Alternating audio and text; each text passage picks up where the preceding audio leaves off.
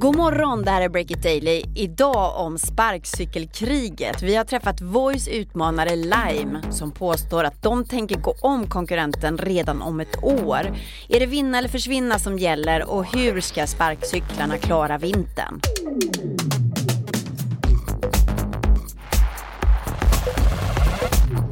Det är tisdagen den 18 december, Erik Wisterberg. Ja, men hur många dagar är det kvar till jul? Det är ju den viktigaste frågan. När kommer tomten? Min dotter frågar det varje dag. Idag är det sju dagar kan jag berätta, när vi spelar in där. Så att när ni hör det här är det sex dagar kvar till jul. Du brukar ju berätta saker för mig, men nu tänkte jag att vi vänder på steken och jag ska berätta en historia för dig. Spännande. Var en kall morgon i december. Pendeltågshelvetet i Stockholm hade pikat och jag hade efter många om och men anlänt i en Uber till ett ganska ödsligt fabriksområde i Spånga. Nej men tjenare! Hej! Mike. Katarina, nu har jag känt på det här med stadstrafiken och Ja, ja. hur det är när man inte kommer fram. Lite jobbigt att komma fram. En man med brett leende och skägg möter mig där. Om jag hade en skoter själv skulle jag älska att komma hit med skotern varje dag. Du har ingen skoter själv. Nej, absolut inte. Det här är Mike Parishayan. Han är Operations Manager på Lime och mannen som har fått i uppgift att vinna sparkcykelkriget i Sverige. Jag kliver in på Limes huvudkontor i Spånga. Välkommen till mitt varuhus. Ditt varuhus, är det så du kallar det? Ah, här står alla Lime-cyklarna uppställda. Hur många har ni här då? Vi har ungefär 50, 40, 50 stycken här som vi, mina mechanic team som är där och reparerar. Så vi kan skicka ut dem under dagen eller under morgonen. Vi har ju följt den här historien och eh, det var ju faktiskt Voi, en svensk startup som blev först ut i Sverige med de här delningsbara sparkcyklarna som går på el. Men nu kommer ju jätten Lime som startade i San Francisco för två år sedan. De är ju mycket större globalt och de har också gjort lite kaos med sin hemstad kan man säga.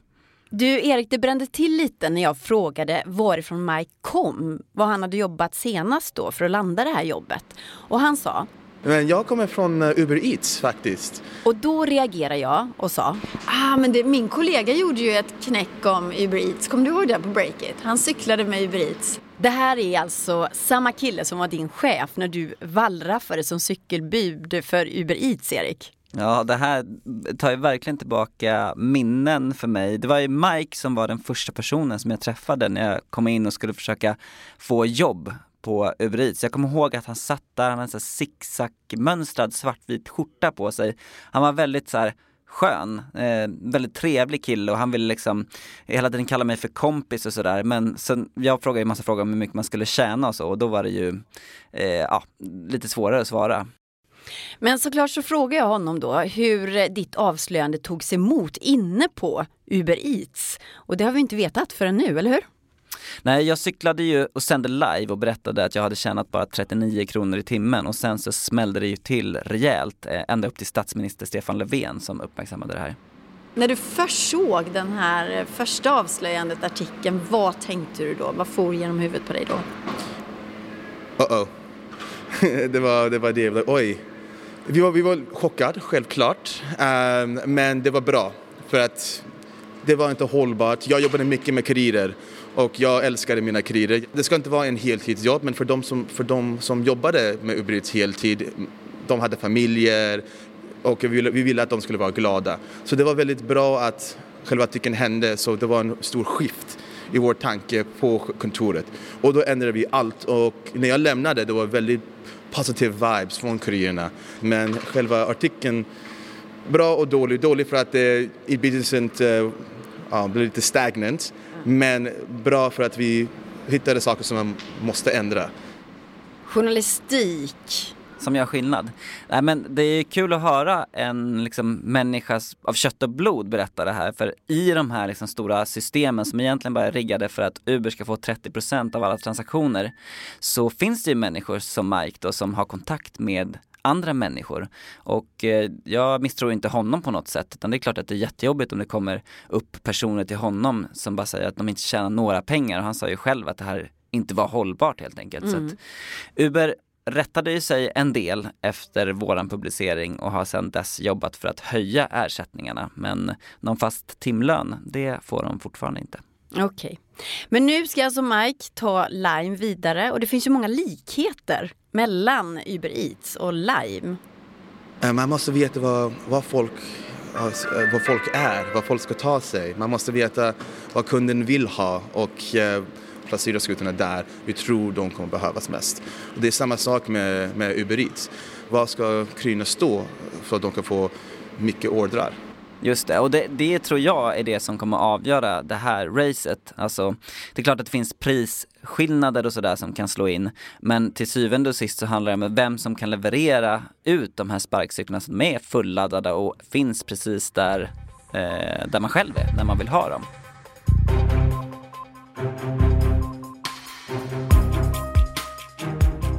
Alla som säger att det finns någon slags eh, ja, work-life balance när man grundar en startup och eh, ska skala upp den väldigt fort. Eh, jag, jag tror det är fel. Det här är Fredrik Hjelm, VD på Voi, startupen som var först ut med sparkcyklar i Stockholm. Min erfarenhet både härifrån och tidigare bolag är att det, ja, det är dygnet runt. Det är full satsning från, ja, från alla. Det finns inga genvägar. Det är jobba hårt dygnet runt. Och nu har alltså Fredrik Hjelm på Voi, Mike Parishayan och Lime flåsande i nacken. Mike säger så här om att vara tvåa på bollen och ligga efter Fredrik. Det är helt okej. Okay. De, eh, de öppnade upp marknaden. Folk eh, visste inte vad skutrar var. Eh, så det var super, superbra att de kom först. Att vara nummer, nummer två, ingen big deal. Vi vill bli nummer ett, så det gör oss ännu starkare, för då måste vi kämpa lite mer. Från position två till position ett, hur lång tid ska det ta? Om man måste vara kaxigt, um, inom ett år tror jag. Jag växte upp i USA, så jag spelade mycket amerikansk fotboll, brottning och sånt, så jag har det här uh, I must win attityd, men självklart man måste vara lite humble. Um, men jag tror in, inom ett år vi kan bli nummer ett på marknaden. Inte bara i Stockholm men runt om i världen. Men på en punkt är de båda sparkcykelcheferna helt överens. Och där hamnar konkurrensen dem emellan i skymundan. För den de båda två helst vill ha bort från städernas gator är bilisterna. Mike Parishayan igen. Det är, det är drömmen för mig att ta, ta bort alla alla bensindrivna bilar, allting ska vara rent och miljövänligt. Och Fredrik Hjelm på Voi säger så här. Varje företag, person eller annan aktör ja, som kämpar mot samma mål och vision som vi har, det vill säga färre bilar, eh, färre taxis och färre tunga fordon i städer, är våra vänner. Och eh, vi, eh, vi såklart jobbar med eh, de här aktörerna, inte, inte mot dem. Ja, härligt när man är överens, eller hur? Journalistik måste ju inte alltid vara konflikter och gräl. Här landade vi i en gemensam vision. Det blev eh, i och för sig bilisterna då som, som blev boven, men ändå. Break it Daily hör du imorgon igen. Ansvarig utgivare är Olle Aronsson och jag heter Katarina Andersson.